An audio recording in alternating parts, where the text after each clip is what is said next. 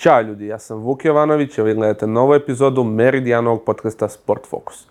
Ponovo smo u online izdanju, sa nama je danas košarkaš Partizana i reprezentativac Srbije, Aleksa Avramović. Kao i uvek, razgovor će biti fenomenalan, obavezno pogledajte. Zdravo Aleksa, hvala ti što se odgledao našem pozivu, znam koliko imaš obavezu u poslednje vreme i želim dobrodošlicu jednu u ovaj naš podcast, u našu malu familiju. Ćao Vuče, e, uvek ima slobodnog vremena za ovakve stvari. Pre svega, da pitam kak, kako ti je povredica, ne, nezgodnu povredu si zaradio sada na pripremnom turniru, da li je sve ok, kako se osjećaš? Pa jeste, doktori su rekli, mislim doktor Moma je rekao onako jedna pauzica od 3-4 do 5 dana. E, iskreno sam onako, u, u, prvi, u prvi sam mislio da je mnogo nezgodnije nego što sam e, nego što je stvarno u realnosti, jer me stvarno jako zabolelo i oteklo odmah, međutim već sam posle par sati mogao normalno da hodam i onda sam vidio da neće biti sigurno dug oporavak i sad radim svakodnevno terapije i oporavljam se kako su mi fizioterapeuti i doktori rekli nadam se što bržem povratku. Mislim za dva, tri dana ću već početi da treniram. Normalno. Nadam se to biti sve za sezonu spremno kao, kao... Da, da, da, da, da, da, pa već za Tino. Mislim da neću igrati utakmicu protiv Efesa, ali za Tino će sve biti u najboljem redu, ja mislim. Sad prelazimo na ovaj glavni deo našeg razgovora. Došao si Partizan novo leto, dugo se pisalo o tome, pisalo se u stvari mnogo o tome da li ćeš Partizan, Zvezdu. Da li je bilo kontakta pre svega da te pitam sa, drugo, sa večitim rivalom, pošto je dosta se spekulisalo? E, što se toga tiče, svako je bilo kontakta između njih i mog agenata, agenta, ali ja nisam imao lični kontakt ni sa kim, sem sa Željkom, što sam pregovarao, što sam ja pričao sa Željkom, samo s, s njim i sve ostalo je agent, agent pregovarao i on je mene isključio iz svake priče, mislim samo, samo da postoji interesovanje i to je to misliš na košarku, to je najbitnije mislim za jednog igrača. E, rekao si po dolasku Partizan da Željko ne zove dva put. Da. Šta, je to, šta ti je to rekao? Šta te, kako te ubedio? Pa, mislim, e, predstavio je viziju svo, e, svoju vezanu za Partizan, kako, kako on vidi Partizan u naredne tri godine, kako bi on voleo da izgleda ekipa i koje su te ambicije njegove. Tako da me to najviše privuklo pored toga što je on mene zvao kao što je kao što znamo svi ko je on na, ne samo u Srbiji nego u celoj Evropi kada se pominje spomene njegovo ime, a to najbolje znam zbog toga što gde god gde god da sam igrao, e, stalno su moji treneri a verujem i treneri drugih klubova uh, skidali akcije Fenerbahčea i znamo, znamo svi ko je i znamo šta, kakav je posao do sada uradio. I, kako, i nadam se, nemam sumnje kakav će posao raditi u budućnosti. Kakve su to ambicije? Šta, šta, kakav je Željko plan za naredne tri godine? Pa, ja, povratak u Euroligu, to je... Da, pa dobro, povratak u Euroligu je svakako glavna, glavna ambicija, da li je kroz uh, osvajanja ABA lige ili kroz osvajanje Evrokupa ili igranja finala, igranja finala Evrokupa, e, mislim da ćemo, da ćemo se stvarno boriti podjednako za ta dva trofeja i nadam se da ćemo uspeti da osvojimo bar jedan. Kakav je rad sa Željkom? E, svi smatraju za veoma zahtevnim trenerom, što smo mogli da vidimo i po timeoutima i po nekim snimcima sa treninga Kako je tvoje lično iskustvo? Nikad to nije to dok se ne doživi. Bilo je, u, u početku je baš zahtevno. Mislim, svaki trening je zahtevan u smislu da moraš, ne postoji nijedan trening gde ne može da dođe, gde, gde, gde smeš da dođeš nefokusiran. E, stvarno mora bude koncentracija na, na, na 100% u svakom, u svakom delu treninga, jer Ako nisi, ako nisi fokusiran, ako ne dođeš 100% glavom u treningu, onda si u problemu. Mislim, to je normalno e, i u drugim klubovima, kod drugih trenera, ali kod njega je to baš izraženo, jer kao što sam rekao, ima svoju viziju, jasan, jasan cilj i to je to. E, reci mi, e, u, u razgovoru kad smo imali prošli put priliku da komuniciramo, rekao si da kod Željka može da se pogreši jednom, onda te on ukaže na grešku i onda ne bi trebalo da se pogreši još jednom. Da, da, pa dobro, mislim to stvarno, stvarno je tako, stvarno je tako. Stvarno je tako jer e, prima, u, ovom delu, u ovom delu priprema gde mi primamo dosta informacija, e, ta ponavljanje te druge greške je vraćanje u prošlosti i onda stvarno nemamo vremena za to. I idemo napred. Napredujemo i, i dižemo se kao ekipa što se tiče taktičke, taktičke pripreme. I svako, svako se desi i, drugi, i druga greška za redom i treća, ali, ali kažem da, da ako si s pravim fokusom, vrlo redko će se to desiti. Kako to utiče na igrača? Da li to, mislim, e, Partizan sam po sebi donosi određenu težinu, još kad je na njegovoj klupi Željko Bradović, kako sve to izgleda iz prve ruke? Pa znaćeš, znaš da e, nije teško zato što zato što znaš da ćeš za godinu dana biti svakako bolji igrač. E, na individualnom planu. Bićeš bolji igrač kad se završi sezona, znači u poređenju sa avgustom 2021. i kad se, ono, avgust 2022. ako Bog, Bog, Bog da zdravlja, biće, biće svaki igrač bolji. I i to, to zahteva dosta i odricanja i, i koncentracije i svega i to je to. To je ono što se traži, mislim da mislim da svako svako ima pravu, pravu želju i pravu energiju iz, iz ekipe. To je li nešto što je Željko kod tebe promenio, poboljšao, napredio ili neko, neki pogled na neke stvari, na neke akcije, na neku kretnju Pa naravno da jeste, pre, pre svega mislim na igru sa playmakerske pozicije, gde nisam igrao pa, dugi niz godina, sem sa malim pauzama u reprezentaciji kad sam stvarno igrao na, na jedinici i u Varezeu. E, to, pa deluje, ne, smijem da grešim, ne grešim, mislim da ne grešim e, što se tiče izgubljenih lopti kao pre, to sam pre davao šakom i kapom, sada je to dosta e, smanjeno i jednostavno iz, i kad ulaziš u neke prave igračke godine stičeš, već, već imamo svi mi onako 26 godina stiko, steko sa nekog iskustva i normalno je da se te neke greške iz prošlosti ne ponavljaju i sad ide na dogradnje. Nakon dužeg vremenskog perioda vratio si se u Srbiju, svi mislimo da igraš već godina na visokom nivou, ali možeš malo da nam uporediš taj rad u inostranstvu i rad kod kuće, koje su prednosti, koje su mani jednog i drugog? Pa ja tako ne gledam iskreno na svakom, gde god igra u Srbiji ili u inostranstvu, e, gledam da, da dam svoj maksimum i da ispunjavam zadatke koji se od mene očekuju. Sada neka razlika, sigurno mislim da je e, ACB Španska liga najkvalitetnije takmičenje posle Evrolige, jer stvarno ima izuzetnih, izuzetnih 12, 12 ekipa od, od, od 18 igra evropska takmičenja, od kojih je prošle godine četiri igralo Evroligu, četiri Evrokup i četiri Ligu šampiona i svak, svaka od ekipa se borila za, znamo, Barcelona i Real, oni su uvek u vrhu, čak i Baskonija za, za Euroligu. E, što se tiče Evrokupa, Gran Canaria je igrala polufinale, Juventud je isto igrao dobro, izgubio u četvrtfinalu od Virtusa i oni uvek pretenduju ka, ka, ka osvajanju tih trofeja evropskih i stalno su u vrhu što se toga tiče. E, I znamo da koliko puta je Valencija osvajala Evrokup, Unikaha iz Malagi osvajala Evrokup. E, Juventud e, e, i stvarno mislim da je španska liga najkvalitetnije ako domaće, domestic lig, domaće takmičenje.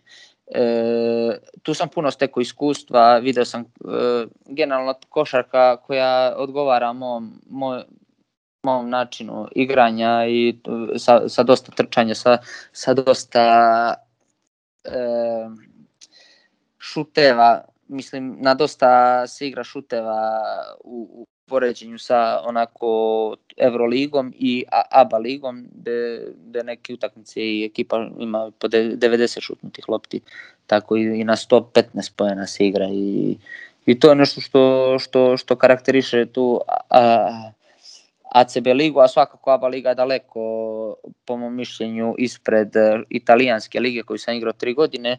Italijanska je liga isto brza, jedna liga dinamična, e, koja je opa, opa kvalitet negde posle 2000 godina, kada se e, Siena i Benetton, ten jedne, uz svakako Armani, u tom trenutku dve ekipe od tri najkvalitetnije italijanske onako ugasili, upali u finansijske probleme i sad evo Benetton se vratio pod drugim imenom, a, a Siena još, Siena nema, Siena nema, ona je, ne znam, slagaću vas, četvrta liga.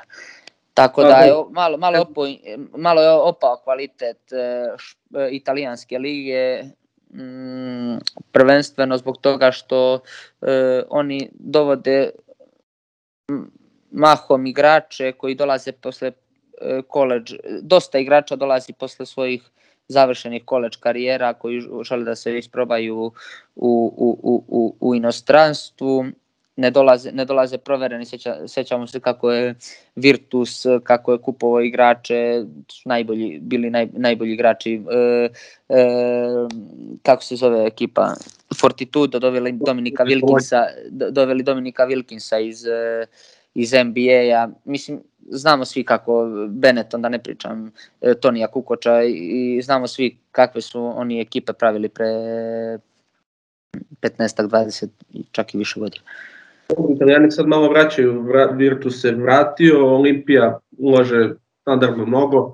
Da, slažem se, slažem se. E, već poslednjih par godina e, kvalitet raste zbog toga što pa generalno i ulaganje rastu. Evo Virtus je doveo, vratio Bellinelli kući Italijana posle dosta deseta godina sigurno NBA karijere. Doveli su Tea, Teo jedan, znamo ko je Teo, jedan od najkvalitetnijih evropskih najkvalitetniji evropski playmaker po mojom mišljenju u prethodnoj deceniji, jedan od najboljih stvarno koji su igrali na toj poziciji u Evropi u zadnjih 20-30 godina. Dao si mi odličan uvod sad sa Teom, igrao, imao si prilike s njim da igraš u reprezentaciji.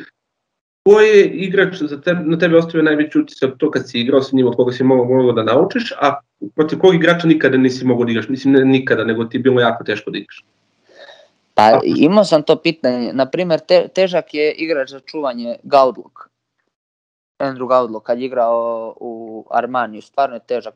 Mada nije imao neke, neke utakmice protiv nas, ali izuzetno talentovan košarkaš, e, možeš ti koš kako hoćeš, stvarno e, ima one flotere, baš mu je napadački arsenal izuzetan. E, sada igrač koji me najviše onako oduševio iz reprezentacije, pa rekao bih Teo ima tu neverovatnu inteligenciju i neverovatno kako je čita te poteze napred. E, svakako ova dvojica iz NBA-a, sa Jokićem stvarno nisam imao priliku do sada sarađu, njega nisam video, ali svakako Bjelica i Bogdan su, su, su mi, mi tu Ustea, veliki profesionalci, Bogdan je veliki radnik, uvitačan šuter, ima jednu od stvarno najboljih ruku Evrope. E, isto tako i Nemanja koji ima koji je, ima 20 strašno dobru ruku, straš, e, ima igru 1 na 1 sa te pozicije i sa tom visinom lako prolazi protivnik i stvarno njih trojica su mi onako oduševili što, sam, što se tiče toga i igranje, iz igranja za reprezentaciju. I svako da. sam naučio od svih njih da se vratimo na ABA ligu, to će biti svakako jedna od glavnih tema kada počne takmičenje, jer deluje da su kluba jako dobro radili. Kako vi, mislim, verujem da je fokus sada na vama, ali da. kako na vašoj igri, na, vaš, na vašim nekim akcijama, potezima i ali sigurno da malo i gledate kako se drugi timovi povećavaju. Ko je tebi najviše tu zapao za oko, da li je neka ekipa iznenadila, da li očekuješ od neke ekipe mnogo, da li nekog ne očekuješ ništa pa možda da se da iznenadi? Po mom mišljenju Partizan, mi imamo stvarno dobar tim sastavljeno tako mladih igrača i Dan, Dangubić je najstariji igrač sa 28 godina, tek je napunio 28 godina, to, to, to sve govori mnogo. E, mislim da kad se stvari e, kad se kockice onako slože da ćemo stvarno imati dobar tim i potrebna je dobra hemija da bi se to sve sprovelo u delo. Standardno dobra do, do, dobar tim pravi Crvena zvezda, oni, oni igraju Euroligu viš, više godina i imaju dobrog trenera. Vratili su Kalinu, doveli su evroligaška pojačanja Holinsa, Vajta, e, Holinsa Vajta i Neita Voltersa iz Uniksa, dobro, sa višegodišnjim evroligaškim iskustvom.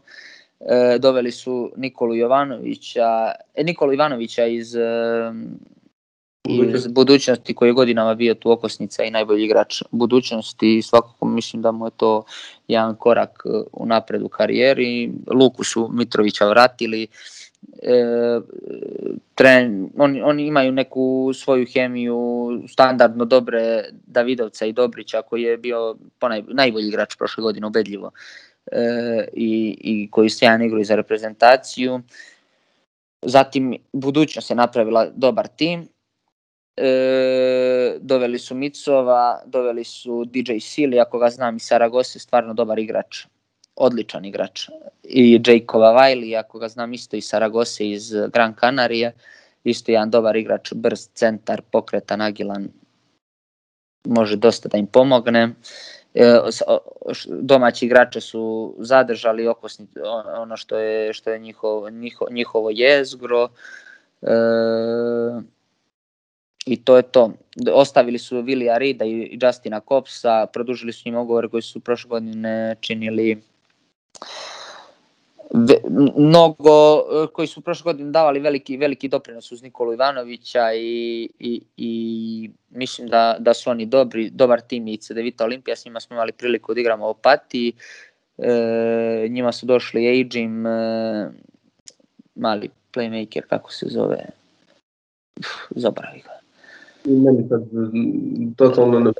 Doveli su isto Jacoba Pulena, strašno, imaju, imaju jako dobre, do, do, do, dobre talentovane napadače u vidu Pulena i, i Vlažića i ovog malog, setit ću se kako se zove, ali playmakera, odličan je, odličan je, stvarno odličan, ima, ima nezgod, nezgodan je u, u igri 1 na 1, vrlo je nizak, ima dobre promene ritma, promene pravaca, uh, ubačene ste bekove i stvarno dobar igrač. Melvina Ejima su doveli iz budućnosti, s njim sam imao priliku da igram u Nikah i znam kako je dobar igrač, telo, igra trojku i četvorku, stvarno jedan od najsnažnijih igrača sa kojima sam ja igrao u životu. Stvarno mnogo jak. Doveli su Zeka Augusta sa višegodišnjim euroligaškim iskustvom, igranjem u Panathinaikosu prethodnih godina. Dobar igrač, protiv njega sam igrao dosta puta. E, Jackie Kyer Michael, četvorka petica iz Igoke, koji je bio najbolji igrač Igoke. On, pa, I da kažem, znači po mom mišljenju te četiri ekipe će onako se boriti za, za, za titulu najboljeg u regionu. Svako se nadam da ćemo mi osvojiti. Vidim da se dobro pripremaš. Koliko polažeš na pripremu pred samu utakmicu?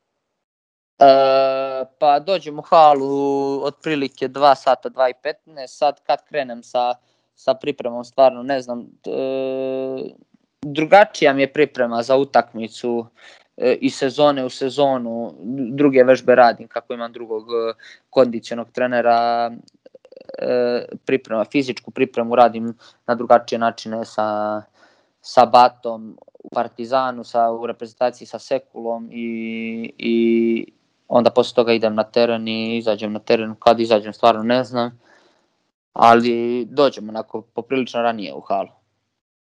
Partizan je imao iza sebe jedan do, dosta temeljan pripremni period, tu su bili dva turnira, mogli smo da primetimo nekako dva lica Partizana na oba turnira. Jedna utakmica perfektna, druga nešto slabija. Da, koliko ima prostora tu za napredak? Šta si, kako si ti vidio taj pripremni period?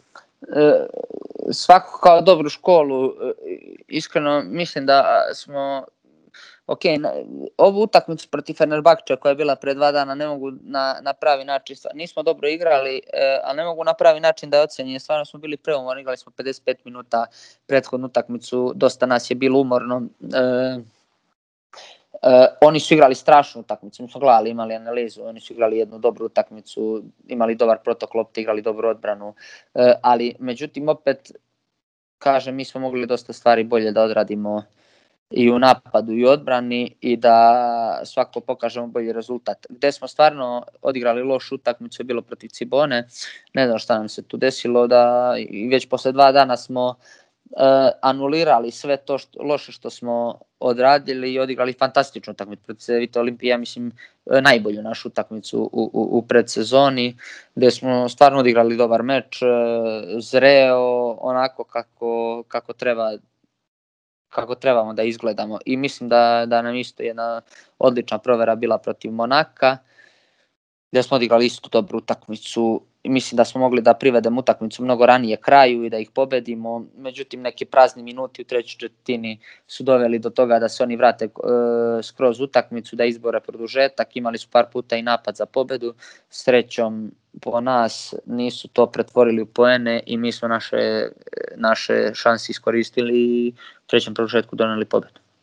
E, imali ste stvarno jak ritam, kao što si spomenuo, ta utakmica s Fenerbahčem je došlo nakon jedne neverovatne utakmice i produžetaka protiv Monaka, tako?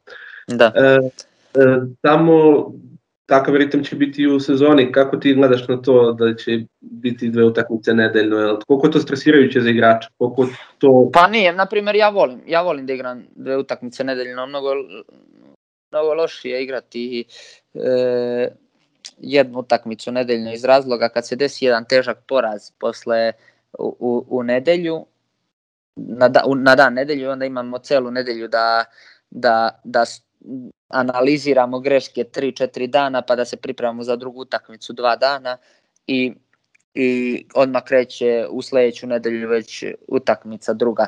I to traje to zna da traje dugo. Međutim ovde kad, kad imate dobru utakmicu, lošu utakmicu, nemate vremena da, da, da puno razmišljate jer odmah stiže sledeći protivnik, drugo takmičenje i vaš fokus mora da bude već na sledeću utakmicu, jer ona najvažnije i najbolja i najbitnije. E, tako da mi više odgovara meni iskreno lično, sad ne znam kako je drugim igračima, meni iskreno odgovara više igranje na dva, na dva fronta. Da, pošto je različito mišljenje, čak i Dejan Milović šaljivo rekao u jednom momentu, ja ne znam ko voli da trenira. Meni je bolje svaki put malo ako da imaš dve utakmice nedeljno, onda imaš malo šuterski trening, malo odmora, a kad imaš samo jedno, onda ima dosta više prostora za trening. Da, pa ja isto, isto, isto složio bi se s njim. E, stvarno, e, najbolje se napreduje kroz utakmice, kroz igranje na utakmicama. Po, mislim sigurno. I, I što više utakmica, što će biti bolji igrač. E, I to je to. Za sam kraj emisije ja bih hteo da se posvetimo malo nacionalnom timu. E, zašto mislim da si ti baš idealno sagovornik za tu temu, zato što si neko ko se stalno odazivao, neko ko stvarno gine za, iz moje perspektive. Tako, ni, ni, nikad ni, na svim okupljenjima si malte ne bio koliko ja mogu da se setim, kad je to povrede nisu e, pravile problem. Šta za tebe znači igrati za Srbiju? Kakav je to? Pošto se jako puno se priča o odnosu prema reprezentaciju, neku kultu reprezentacije, mislim da ga ti baš, da imaš baš dobar odnos prema nacionalnom timu. Pa da, e, kao što sam rekao mnogo intervjua, meni stvarno igranje za nacionalnu selekciju predstavlja najveću čast i sigurno nema, nema većeg e, ponosa nego igrati za reprezentaciju svoje zemlje u bilo čemu, a, a kamoli onome što stvarno voli, volite i ja stvarno volim košarku i volim da igram za svoju reprezentaciju, uvek ću se odazvati pozivu e, nebitno gde, gde sam u tom trenutku i to, to za mene nije upitno. Stvarno, e, jednom čitao sam e, Željkov jedan intervju kad je rekao da su ova trojica igrali NBA poslednju utakmicu Holiday, Middleton i Booker i odmah sutradan su došli da igraju za reprezentaciju. Mislim, to, to je normalno. Po meni po meni eh, vreme za odmor će uvek biti sada posle svakako da smo se plasirali na olimpijske igre, mi bi, mi bi imali vremena, vremena za odmor i uvek će se naći onako ako neko stvarno ima opravdanje, neko ima stvarno opravdanje ili povredu ili stvarno dugu, dugu i napornu sezonu, ja, ja iskreno to razumem i znam kako je kad, kad se ima duga i naporna sezona i znam da nekome, kako ljudi ulaze u godine, nekome po, za, za, za povratak energije i povratak u te, tela u normalu treba više odmora i to je normalno, to je sve, mi smo potrošna i, i naše telo je potrošni materijal, ne možemo, moramo da, da imamo prostora za regeneraciju. Sada, što se mene tiče, ja iskreno svaki put kad budu, ako budem dobijao poziv ću se odazvati i to je kod mene neupitno, stvarno, jer stvarno volim da odem da, da se okupim sa reprezentacijom, da treniram tamo, da igram za reprezentaciju, jer kao što sam rekao, to je ono kad sam počinjao da igram košarku, bila najveća želja, sigurno. Aleksa, hvala ti puno na izvornom vremenu, nećemo ti više zadržavati, pustit ćemo te da odmaraš. E, samo da znaš, čekamo tu u našem studiju jednom priliku da te ugostimo onako podalikuje, spremamo poklon, kao i svakom gostu, nažalost sad ne možemo da ti ga damo. Želim ti sve najbolje u daljoj karijeri, u ovoj sezoni da bude kako si ti zamišljao. Da sve hvala bude... puno. Hvala puno, hvala puno i želim sve najbolje vama i nadam se da ćemo se što predružiti u studiju. Ale tebi puno, veliki pozdrav. Ćao. To bi bilo to, nadam se da ste uživali. Za još ovakvog sadržaja obavezno like, share, subscribe, a mi se vidimo i naredne nedelje. Veliki pozdrav!